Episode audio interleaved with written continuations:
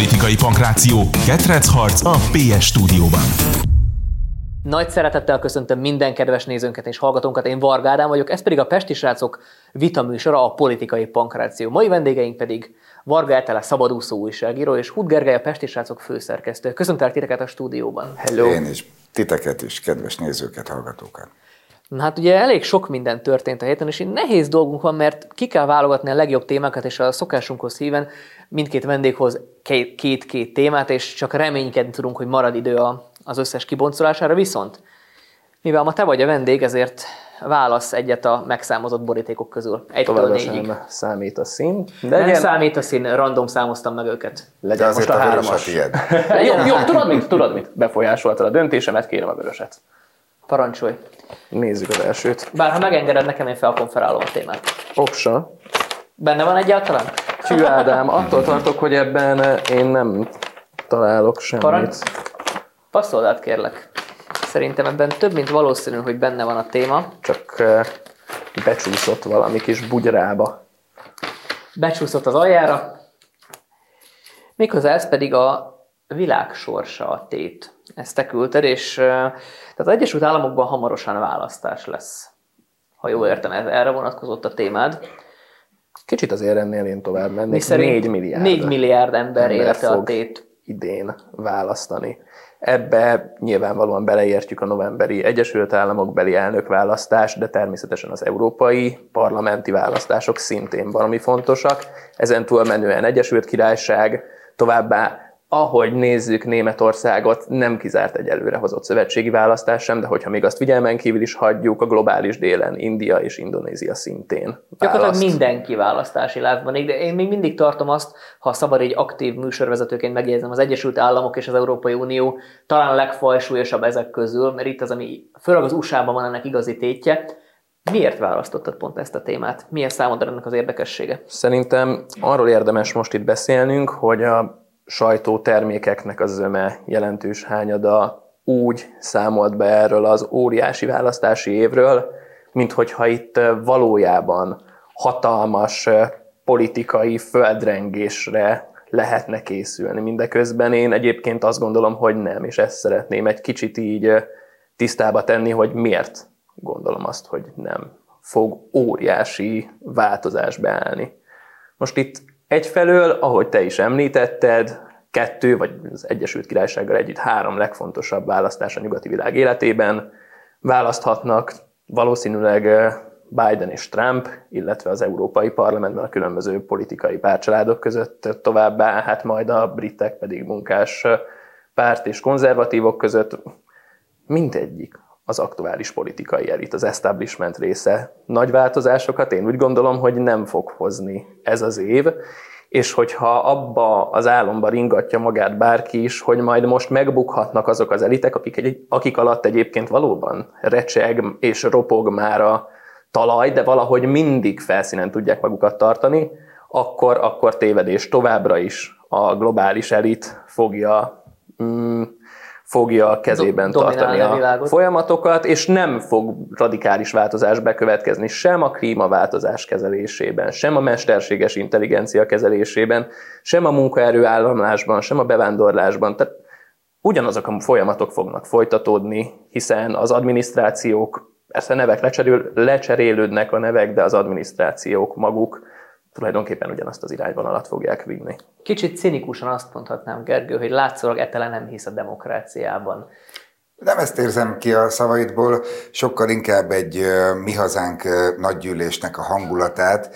Tehát egy, Sosem vádoltak még mi hazánkossággal. Egy, egy csalódott törvényeken és rendszereken kívülálló antiglobalista hangot, amit persze én olyan szempontból is megértek, hogy valóban ezek a toposzok, amiket a rendszerváltoztatás óta várunk, tehát hogy tegyünk a globális felmelegedés ellen, a világ demokrácia alakuljon ki, a béke és a stb. És egyébként ezt nem cinikusan mondom, hanem komolyan én magam is reménykedtem tinédzserként, amikor nagyon sokat politizáltunk, tehát az egész rendszerváltásnak ez volt a hangulata, hogy az általános iskolás tornaöltözőben majdnem ökörre mentünk a Kossuth címer kontra koronás, Szent Koronás címer vitájában.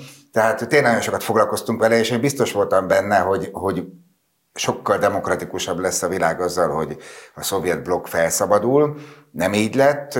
Igazából felhívásként, kihívásként értelmezte a globális pénzügyi elit, hogy most már ez az ellentábor is megszűnt, most már tényleg bármit lehet csinálni. A rendszer maradt, csak az ászló színe változott. Ténylegesen elszabadultak. Ennek megvoltak persze az előzményei, már a 70-es, 80-as évektől morzsolták fel a világ másként gondolkodó részeit, de ez most nem is érdekes, hanem ami sokkal inkább mégis érdekes, hogy abban nem értek egyet veled, hogy a konzervatív fordulat viszont bekövetkezhet. Tehát igenis, hogyha Amerikában ez a észveszejtő vadliberális globalista Biden kormányzás megbukna, az lehet, hogy azonnali békét hozna például az ukrán fronton, lehet, hogy észszerű megoldást hozna a közel-keleten, hiszen Trump bebizonyította az előző ciklusában, hogy képes erre. És hát itt Európában meg olyan nagyon nagy fordulatra nem számítunk, de hogy egy olyan masszív konzervatív blokk kerül be az Európai Parlamentbe, hogy ennek a önmagából kifordult vadliberális fasisztoid zöld kommandónak össze kell majd rántania magát, és ez azért megint csak egy nagyon fontos Jó, jó, jó, itt, hát az itt, itt, itt még, nagyon sok ideológia. Még, még szót neked, emlékeztetnélek, hogy arra készült, hogy visszautasítsd a mi hazánkos vádakat. Ezt ki nem maradjon a monológodból, de azt tegyük hozzá, hogy az inga ide és oda is tud lenni.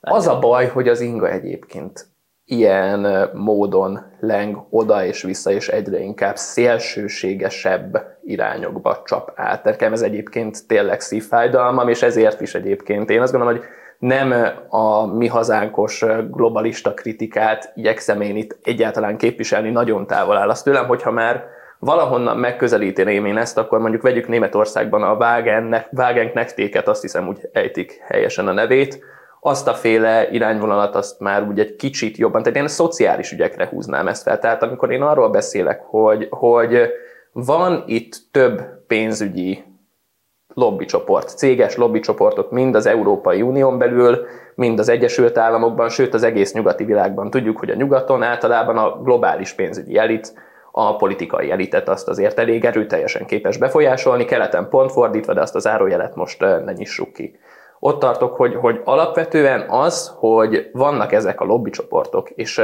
és mindenféle demokratikus felhatalmazás nélkül, ahogy említetted ezt a demokratikus deficitet, demokrácia hiányt, versengenek a hatalomért, mindeközben a szegényebb néprétegeknek a képviselete megint csak, megint csak elmaradt. Tehát gyakorlatilag ott van Detroitban mondjuk, Amerikában egy melós, egy egyszerű ember, akinek tulajdonképpen már nem is ígérnek semmit, már csak, már csak meg sincs ő szólítva. Mivel van megszólítva a Trumpék által is, vagy a Bidenék által is, kultúrharccal van megszólítva. Ez az én problémám. Bocsánat, Ez az én problémám hogy Trumpnál rengeteg olyan programpont volt, amivel a fekete lakosságot, akiket addig amúgy kiszorítottak a munkaerőpiacról, kvóták nélkül szerette volna visszacsábítani oda, és a fekete férfiak zömmel támogatta Trumpot, mivel a munkát ígért nekik. Úgyhogy annyiban kiegészíteném, amit mondasz, hogy a programpontok között Trumpnál szerepelt a, a munkahelyek teremtése. De én egyébként etelének a fájdalmát teljesen megértem.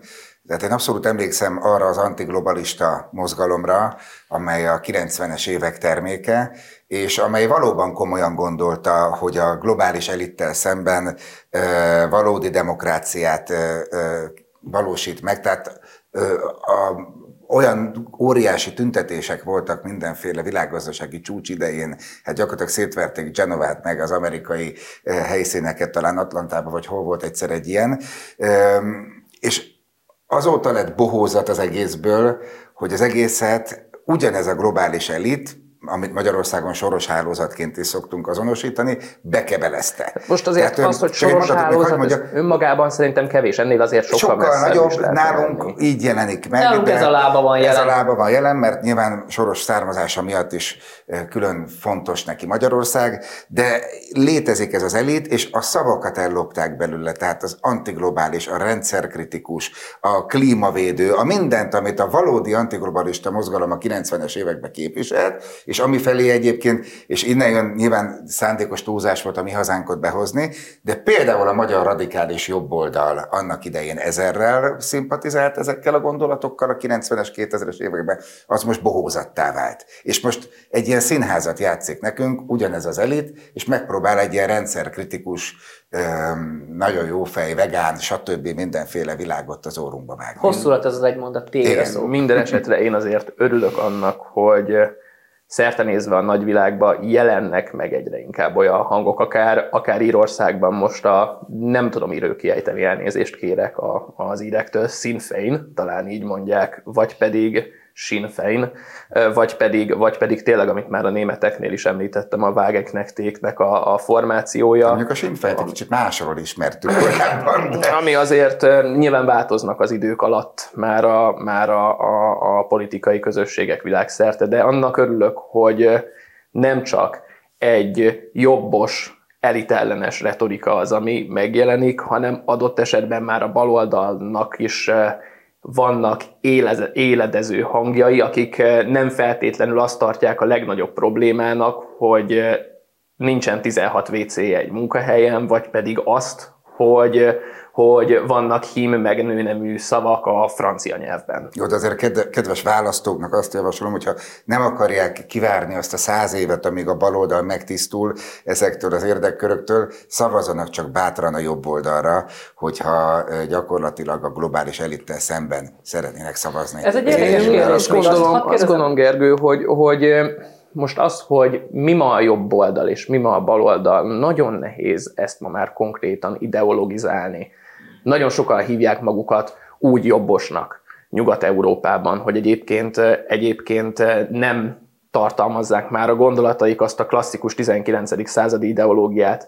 Hát a baloldalról, a baloldalról, baloldalról ugyanez a helyzet, tehát most az, hogy szavazzanak a jobb oldalra, én azt mondom, hogy szavazzon minden kedves néző és hallgató oda, ahova a saját belátása szerint szeretné húzni azt az X-et. Én azt gondolom, hogy elmé, elmélkedjen, gondolja végig, és próbáljon minél inkább több oldalról tájékozódni. Lezárnám ezt a témát, de Jó. még egy kérdés nagyon bennem Jó. van felét, hogy ugye ez a jobb és a bal oldal az amúgy ma már kezd nagyon ilyen kuszává válni, főleg a, a nézők számára, hogy most ki a jobb oldali, aki baloldali elemeket is használ, vagy az a baloldali, aki amúgy diktatórikus elemeket akar alkalmazni, stb. stb.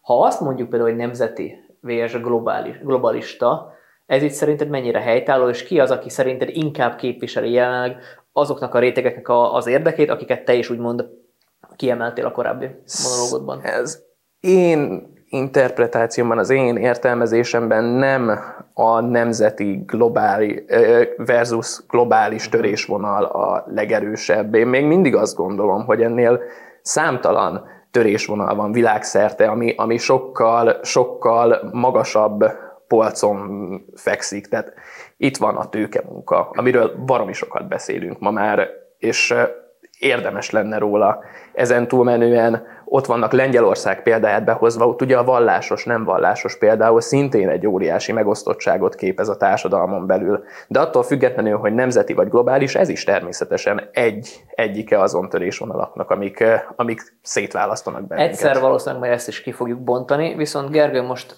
te válasz egy borítékot már csak az egyes kivételével. Hármas. Bármelyiket tiéd lehet. Nézzük a hármast.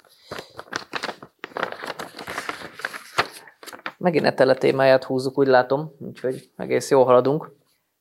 Orbán Viktor lehet Európa császára, de ki lesz az utódja? Ezt dobtad be.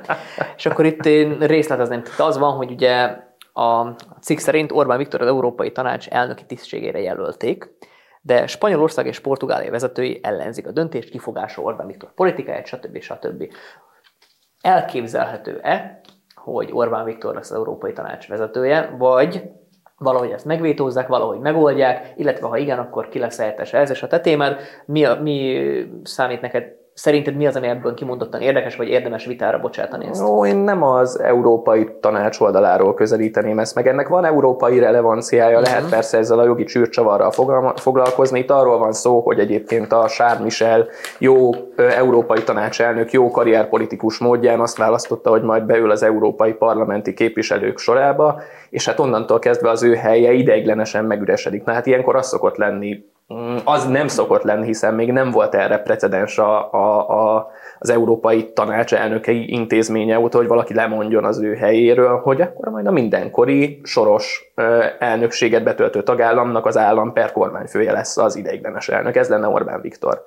De én, az én teóriám itt az, hogy mi van akkor, hogyha Orbán Viktornak mondjuk megtetszene egy olyan feladat, hogy, hogy európai szintéren akarna inkább érdeket érvényesíteni, és hát nem is itt hagyná, de eltávolodna a hazai közélettől, vagy tételezzük fel azt, hogy megbetegszik, cselekvő képtelenné válik. Hát ezek előfordulhatnak. Ezek olyan dolgok, amikre bármikor lehet számítani, sőt, akár az ő döntéséből, akár az ő döntésétől függetlenül, de, de kiszorul a, a miniszterelnöki bársonyszékből. Szerintem valami fontos lenne arról beszélgetni, hogy ilyen esetben mi történne az állammal. Nekem az a teóriám, hogy a jelenlegi rendszerben, amit most nevezhetünk Orbán rendszernek, nemzeti együttműködés rendszerének, hát ez rövid távon bizonyosan káoszt okozna, és hát én valószínűsítem azt, hogy hosszabb távon a nemzeti együttműködés rendszerének a szétaprózódásához, elmálásához vezetne. Én azt gondolom, hogy ez, ez egyik legnagyobb hibája per kockázati tényezője az Orbán rendszernek, amit fölépült az elmúlt 13 évben, hogy nem nem kreálódott meg, nem épült meg egy alternatíva. Nem, nem épült meg, meg egy a... alternatíva, és ebből természetesen levezethető az is, hogy a másik a verseny hiánya, hiszen ellenzékből sincs egy olyan figura jelenleg, per egy olyan politikai közösség, aki, aki egy ilyen űrt hatékonyan. Hát erre hogy válaszoljak röviden mind a két témára. De, de, de nem kell röviden, vagy, vagy tegyünk fel egy nagyon egyszerű kérdést. Hát csak kíváncsi vagyok. az én izgalmas témáim. Na mindegy, szóval. Tök kíváncsi vagyok. Ki? Ki lenne mondjuk a Fideszen belülről? Sorban haladva, szerintem az első felvetés az egyáltalán nem olyan érdekes, mint aminek tűnik. Orbán Viktornak nem is biztos, hogy érdeke, hogy ő töltse be az Európai Tanács elnöki posztját, mert akkor egy csomó kötöttség szűkíti ezt a teret, amiben ő tud mozogni. Mivel ilyen még nem történt, azon is vitatkoznak a jogászok, hogy ilyenkor például gyakorolhatja-e a szavazati jogát olyan esetben, ha Magyarországról van szó. Például itt felmerül az, hogy Ukrajna, igen, hogy Ukrajna a támogatása ügyében esetleg nem szavazhat az a, a magyar kormányfő. Tehát nem is olyan jó ez neki. Szerintem még ők is mérlegelik, hogy érdemes egyáltalán elfogadni, de nincs olyan nagy jelentősége. A másik az valóban egy nagyon izgalmas kérdés, hogy ki lesz Orbán Viktor utóda. Ugye Orbán Bocsánat, Viktor... én azt is üdvözítőnek találom, hogyha tudnám, hogy ki lesz a főpolgármester kihívója, hogy nagyon előre szaladtunk, de nyilván most elméleti szinten beszélünk. Csak. Egy másik téma, de minden esetre én azért Hát egyrészt ugye Orbán Viktor rendszeresen jelzi most legutóbb a kongresszuson is, hogy ne nagyon appelláljanak a helyére, mert ő ugye legalább 2030-ig, vagy most már még későbbi időpontokig számol. Ugye már még tíz évet is ráhúzna erre a korábbi 2030-as céldátumra. Annyit mondok, hogy kor, tehát tervezte, hogy korábban vonul vissza, de hát a hosszú kiesés, a Covid és stb. miatt ez is szintén kitolódott. Így ugye. van. Másrészt ugye Orbán Viktor nevéhez egy olyan ikonikus patrióta politika kötődik, amely, amelyet most kezd megismerni a világ. Tehát nyilván ezt érdemes az ő részéről is végigcsinálni, és, és hogy mondjam, a mérkőzés közepén nem bedobni a törölközőt. Természetesen sajnos minden ember előfordulhat, hogy megbetegszik, cselekvőképtelenné válik.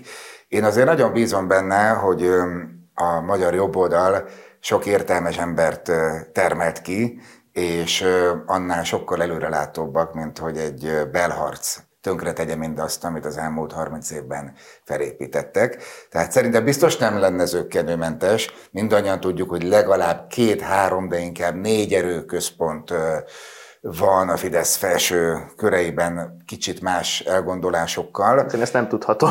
És nagy mérkőzés lenne, de hogy a végén a konzervatív oldal vagy egymással együttműködő kisebb egységekben, vagy a Fidesz vezetésével, de meg tudná őrizni szerintem az egység. Picit azt érzem a szavaidból, mint hogyha arra utalná, hogy Orbán Viktor nélkül ez az egység, ez megtörne, és úgymond ilyen feudális, ilyen, ilyen hűbér birtokokra oszlódna. De lehet, hogy csak rosszul értelmezem. Rosszul értelmezed, mert valódi politikai véleménykülönbségek vannak, ami természetes egy ilyen nagy szövetségben, egy 14. éve folyamatosan kormányzó nagy szövetségi rendszerben, tehát itt van egy liberálisabb vonal, van egy klasszikus, konzervatív nemzeti vonal, vannak konnektivitáspártiak, ugye, akik gyakorlatilag egy újfajta külpolitikát hír, de magában a külpolitikában is legalább három különböző irányvonal létezik a Fideszen belül, ami egyébként nem baj, tehát ebben semmi rossz nincsen. Le kell játszani ezeket a meccseket egy ilyen esetben, és győztest kell hirdetni, aztán beállni mindenkinek Záró a sorba. Ez van exakt tipped? Van exakt tipped arra, hogy ki lenne a legesélyesebb, mint Orbán Viktor utódja a Fideszen belül? Én szerintem nem is az az érdekes, hogy egy ilyen helyzetben konkrétan ki lenne a miniszterelnök, mert lehet, hogy egy közmegbecsülésnek örvendő, elismert, megbecsült figura lenne a miniszterelnök, inkább az az érdekes, hogy milyen erőközpontok állnának mögötte. Neked van? Van, én nekem van tippem. Sokan ugye, sokan ugye Lázárt, Lázár uh-huh. János, Szijjártó Pétert vagy Gulyás Gergelyt dobnák be a ezek a, igen, ezek a népszerűek, hogy a komment szekciókat görgetjük, ezek a legnépszerűbb javaslatok. Én Orbán Balázsra tippelnék. Orbán Balázs nagyon jön fel, az biztos. Lázár János korábban nagyon ambiciózusan, már nyíltan beszélt arról, hogy ő lesz Orbán Viktor utóda, neki van szerintem a legkevesebb esélye erre, és hát nyilván van egy olyan csapat, amely inkább Gulyás Gergely és Rogán Antal közös munkájával fémjelezhető, amely szintén képes arra, hogy miniszterelnököt állítson, és természetesen ott van Szijjártó Péter, aki talán viszont a legnépszerűbb jobboldali politikus, szintén saját hátországgal. Kicsit Úgyhogy most van, van választás. Cinikus leszek egy picit, és úgy teszem fel a kérdést, hogy az ne sértse meg az ellenzéket a szükségesen jobban, de most megkérdezem tőletek, hogy ellenzéki oldalról ki lenne az, aki viszonylag a legtovább húzna anélkül, hogy zátonyra futtassa az országot, kvázi ki a legalkalmasabb ellenzéki oldalról szerinted, vagy szerintetek, aki képes lenne úgymond átvenni ezt a pozíciót? Hát ahhoz, eh, ahhoz először is, eh, most akkor én Azért is egy kicsit, kicsit, kicsit, eh, kicsit megkerülősebb választ adok most én is erre a kérdésre, mert én azt hiszem, hogy hogy beszélünk arról, hogy ki legyen egy autónak a sofőrje, csak hát ott, ott még nem nagyon van autó. Tehát először egy autót kéne építeni, annak kéne egy tervrajzot elkészíteni, majd nem megspórolva a munkát, elkészíteni magát azt a járgányt, és majd utána belerakhatunk adott esetben egy sofőrt. Tehát amíg azt látjuk, hogy olyannyira nincs még csak egy koncepció sem arról, hogy hogyan lehetne helyettesíteni az Orbán rendszert, nemzeti együttműködés rendszerét, vagy magát Orbán Viktort, addig, addig szerintem teljesen fölösleges neveket bedobni, mert az nem elég. Az rohadtul nem elég, hogy azt mondjuk, hogy nem Orbán Viktor. És mint tudjuk, hiába mondja az Dobrev Klára, hogy Dobrev Klára, Orbán Viktor mindig ki fogja állni Gyurcsány Ferenccel szemben az összehasonlítást, mindig ki fogja állni, vagyis pont addig fogja kiállni, amíg nem lesz egy újabb 2006, amire hát nem számítok. Kicsit az ellen, még annyit hozzátenni, kicsit az ellenzék oldalról, amikor ki legyen a miniszterelnök jelölt, olyan érzése, mint a Karib-tenger kalózaiban, amikor a kalózok tanácsa körbölt, és az összes kalóz, rabló, briganti, az mind magára szavazott a jelöléseknél. Aztán ezzel bukott meg az egész rendszerük, de ne kanyarodjunk el a bulvár meg a, a populista tartalmak vagy pop tartalmak világában. Gergő szerinted ki lenne a legalkalmasabb arra, hogy az ellenzéki oldalról odaüljön, és ez jó, akkor most akkor ki az, akinek víziója van, ki az, aki, aki nem tenné tönkre az országot szerinted, ha van ilyen. És Tehát ugye, a, egyszerűsítem a kérdést, játszanak a nem politikailag hanem aktív politikus szerepet betöltő jelöltek is, és most ilyen, olyanokra gondolok, akik akár ellenzékek, de nem de facto a parlamentben ülnek és politizálnak. Ugye ez nem csak egy kormánypárti bluff, hanem valóban még mindig Gyurcsány Ferencnek van ereje arra, hogy az ellenzék élére álljon. Ugyanakkor, ha úgy nézzük, hogy ki az, aki nem tenné tönkre az országot, azaz nem hazajáruló, akkor gyakorlatilag egyedül az LMP marad. Az LMP-ről meg nem tudjuk, hogy micsoda és mit akar, tehát elég hamar a sor végére értünk. Jó, akkor végig... Én nem tartom őket egyébként hazajárulónak, én kontraszelektáltnak tartom ezt az egész, egész rendszert, és egyébként, egyébként ehhez van köze a nemzeti együttműködés rendszerének. Bőven van köze hozzá, nincs megnyitva a politikai versenytér, nincs megnyitva a politikai játéktér, nincsenek gesztusok gyakorolva. Én azt gondolom, hogy ha, hogyha szeretnénk politikai versenyt, politikai váltógazdaságot látni, amit én egyébként kívánatosnak tartok, kívánatosnak tartom a politikai váltógazdaságot, hogy legyen valódi, erős szereplők közötti versengés a politikai választásokon, és ne azt kelljen figyelni, hogy úristen, ki lesz a második, harmadik és a többi, mert ez inspirálná egyébként mind a, a, a Fidesz vezetőségét, mind a mindenkori nem Fidesz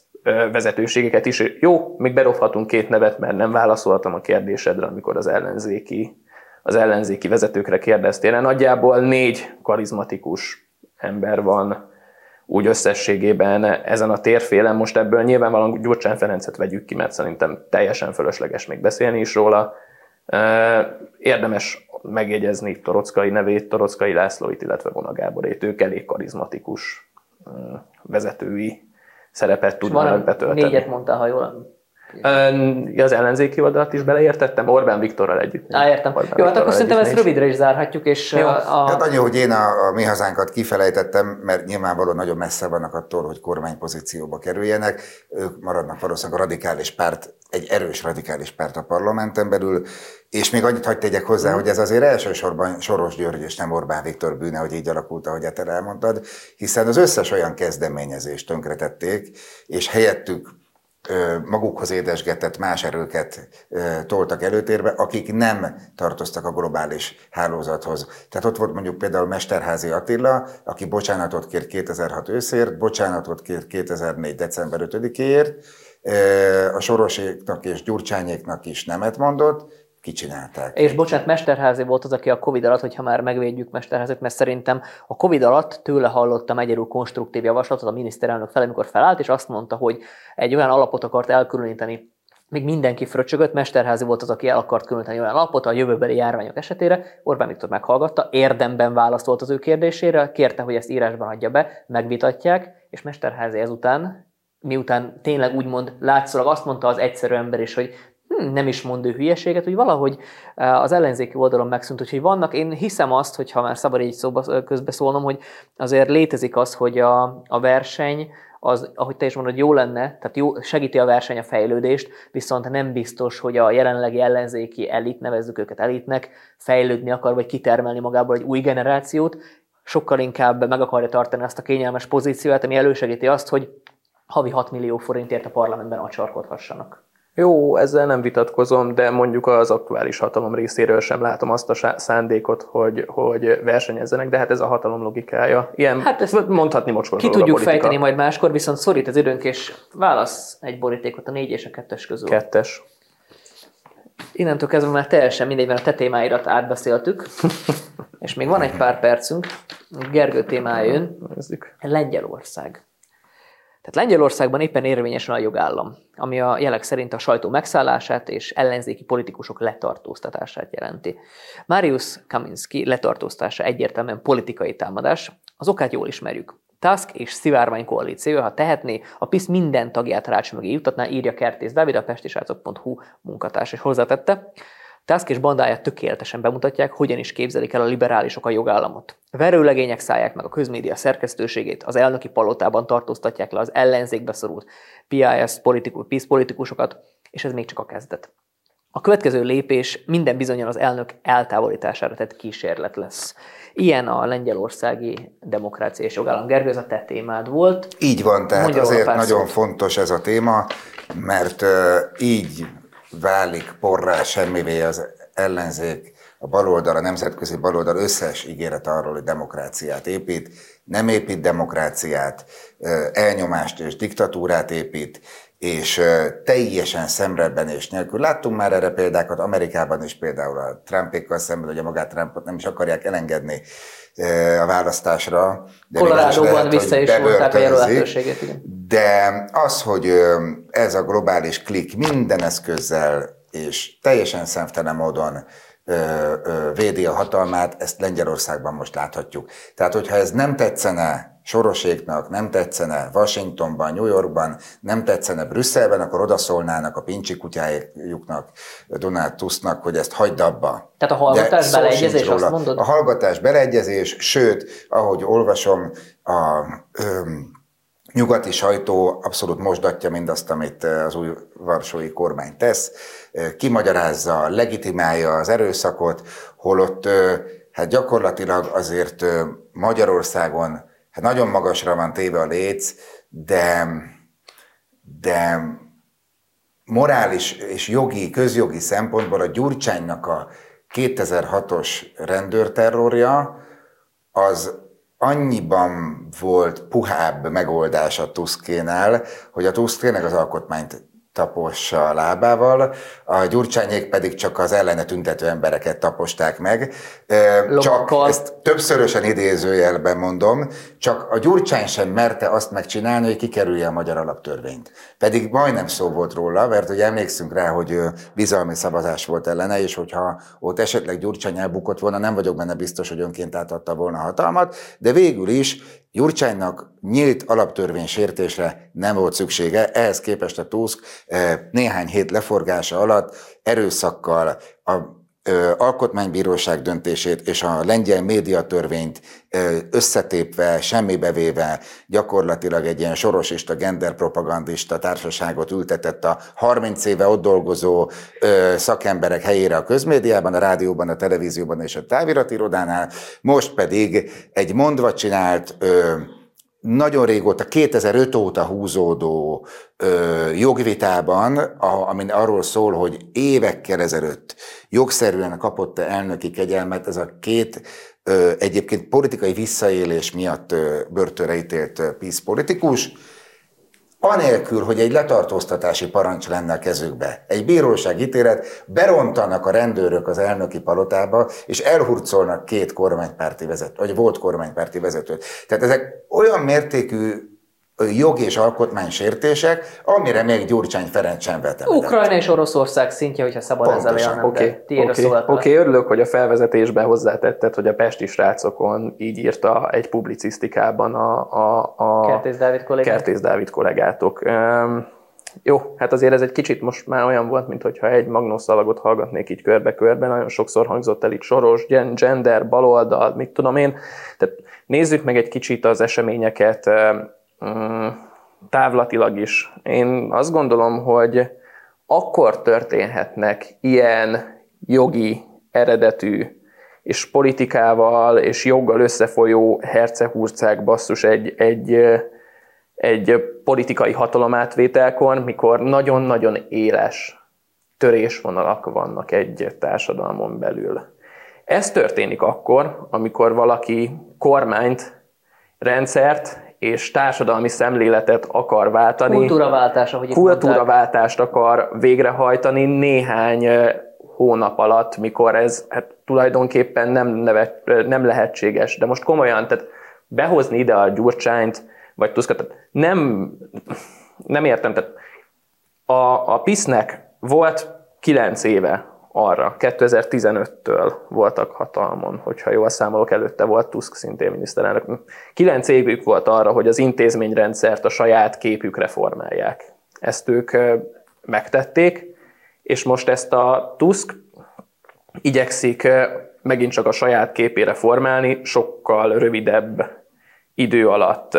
Megy a harc az intézményekért, megy a harc a médiáért, mert tegyük hozzá, hogy itt a lengyel közmédiának a, az ügye is széles nyilvánosságot kapott mind a magyar, mind az európai sajtóban, mi, mi szerint ugye nem nagyon akarják finanszírozni a tuszkék, vagy amit benyújtottak finanszírozási tervezetet, azt a köztársasági elnökük az Andrzej Duda visszautasította. Bocsánat, szóval egy zárójeles megy a sztori. Ide a médiához, hogy egy nem is olyan friss kutatási anyag szerint Soros György és az ő hálózati cége, és ez nem Conteo Soros György, hanem konkrétan az ő alapítványai felvásároltak több olyan sajtóorgánumot, amikkel a teljes hálózatnak a 70%-át lefedik a média szempontjából Lengyelországban. Igen, tehát ez tényszerűen megtörtént. Oké, okay. minden esetre én, ez a le, én ehhez a letartóztatáshoz túl sok kommentát nem tudok tenni, amit itt én olvastam, az, az, hogy ugye a legfelsőbb bíróság idén júniusban új eljárást jelentett el ennek a két piszes politikusnak az ügyében, a megszületett ítélet, decemberben született meg egy ítélet, ez alapján a Varsói Kerületi Bíróság kezdeményezte Kaminski és Vasik, azt hiszem így kell ejteni a nevét, börtönbe szállítását.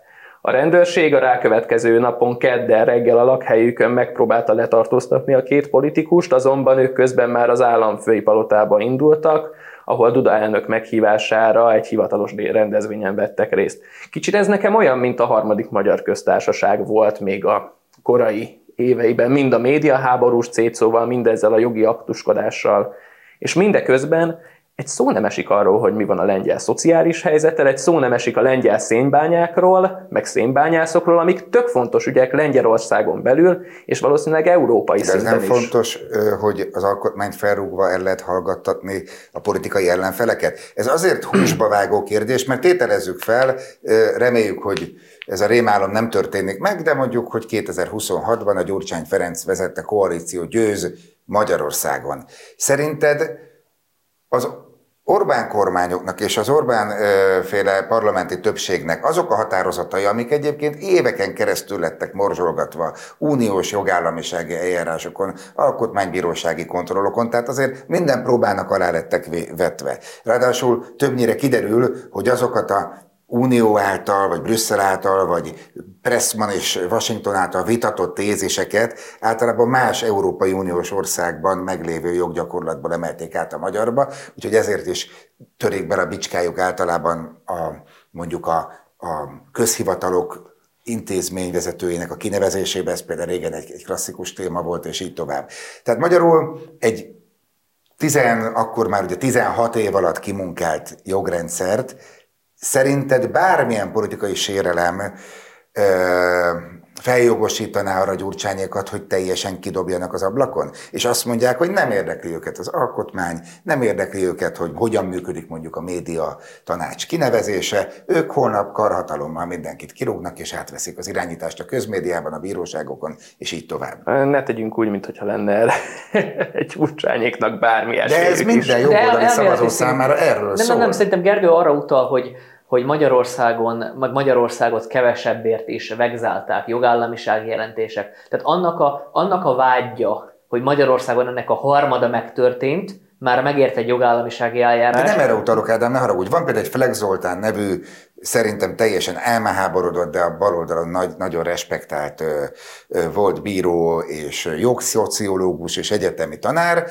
aki felbuzdulva azon, hogy szerinte ő úgy érezte, hogy 22-ben győzni tud a baloldal Magyarországon, konkrét ilyen intézkedés csomagot ö, állított össze, hogy felrúgva a rétező magyar alaptörvényt, hogyan vegye át a hatalmat a közintézményekben az új kormány, és hogyan rúgják ki az egyébként törvényesen kinevezett állami vezetőket. Erről írt. Tehát ez egy létező elgondolás, a Tusk-féle módszer Magyarországon ott lapul az ellenzék íróasztal fiókjában. Az az erőszak módszere. Egész egyszerűen nem fog megtörténni, ugyanis az ellenzék nem fog hatalomra kerülni. Nem adottak neki a lehetőségek, már pedig pont azért nem adottak neki a lehetőségek, mert a 12 éves kétharmados többség alatt, ami itthon volt, alkotmányozási nem- eszközökkel nem- nem- megváltoztatták ez a nem egy rendszert, ez nem- Ez az miért a Most bukott le az ellenzék, hogy hogy milliárdos összegben kapott támogatást a kampányra a külföldről. Most olyan 3-4 milliárd körül tartunk a guruló dollároknál. Hát azért ez már egy számottevő összeg. Hát nem igaz, hogy ebből nem lehet megnyerni egy választást. Hát, azt, hogy, ne, azt, hogy nem megnyerni nyerték meg, az, az, az ő szegénységi bizonyítvány, de megint csak mondom, passzírozok picit a szart, mert az, hogy Gergő elmondja, hogy mi lenne, ha, te meg azt mondod, hogy nem fog megtörténni. Teljesen függetlenül, hogy meg fog-e történni, nem fog-e megtörténni. Ha és amennyiben megtörténik. Képzeld el az élethelyzetet, ezt, te hogyan éreznéd magad egy ilyen rendszerben? Nekem az se tetszett, hogy 12 év alatt itt Tehát nem oly módon, erre. oly módon kérlek hadd végigmondani, Persze. és válaszolni fogok.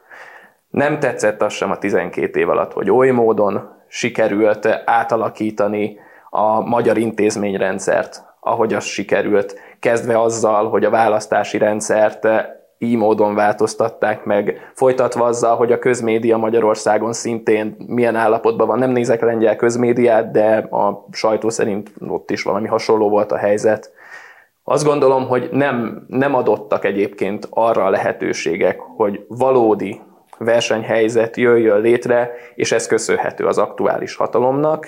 Ennek ellenére azt is gondolom, hogyha bárki, aki adott esetben akármilyen módon képes választást nyerni, itthon, itt és most, és az nem az aktuális hatalom, akkor sem szabad erőszakszervezetekkel neki látni, szétszincálni azt a jogrendszert hetek és hónapok alatt, ami felépült. Én ezért is javaslom mindig azt, hogy kell találni társadalmi konszenzusokat, és igenis, hogyha egyszer itt mondjuk tételezzük föl egy új hatalom lépszínre, és, és majd neki lesz dolga az, hogy alkotmányozzék, akkor is be kell vonni minden lehetséges résztvevőt. Adott esetben az egykori, vagy a mostani Fidesznek a, a, a, a, a vezetőit, tagjait mm, is. Tehát én, én azt gondolom, hogy, hogy a legjobb lenne csak és kizárólag úgy alkotmányozni, hogyha abban a társadalom és a politikai közösségek széles spektrumát bevonjuk. Megütötte a fülem egy mondatod a választási tartom. rendszerrel kapcsolatban. Igen. És ez rendszeresen felmerülő úgymond aggály a kormánykritikus vagy ellenzéki oldalról, hogy megváltoztatták a választási rendszer, stb. stb. Azt konstatáljuk, hogy a, tehát a Fidesz 2010-ben a Gyurcsány-féle választási rendszerben nyert, ez az egyik. A másik viszont az, hogy Budapesten ugyanaz a választási rendszer van, mint az ország többi részén. Most változtatták meg ugye a budapesti De eddig ugyanaz rendszer. volt? Hát Budapesten, hogyha csak, a, csak az országos választást nézzük, akkor ott is ugyanolyan rendszer van érvényben, mint az országban. Akkor hogyan tud Budapesten, vagy Szegeden, vagy segíts már, hol van még máshol ellenzéki város, hogyan tudnak ott ellenzéki képviselők nyerni? Budapest hogy tud ellenzéki lenni, hogyha a választási rendszer a hibás? A választási rendszer csak egy dolog önmagában. Az, hogy, hogy társadalmi és demográfiai sztorik miatt, illetve az ellenzék jelenléte miatt, hogy hol van egyáltalán jelen, mert hogy tudjuk, hogy Budapesten és néhány nagyvároson túl amúgy nincsenek is, nem is léteznek.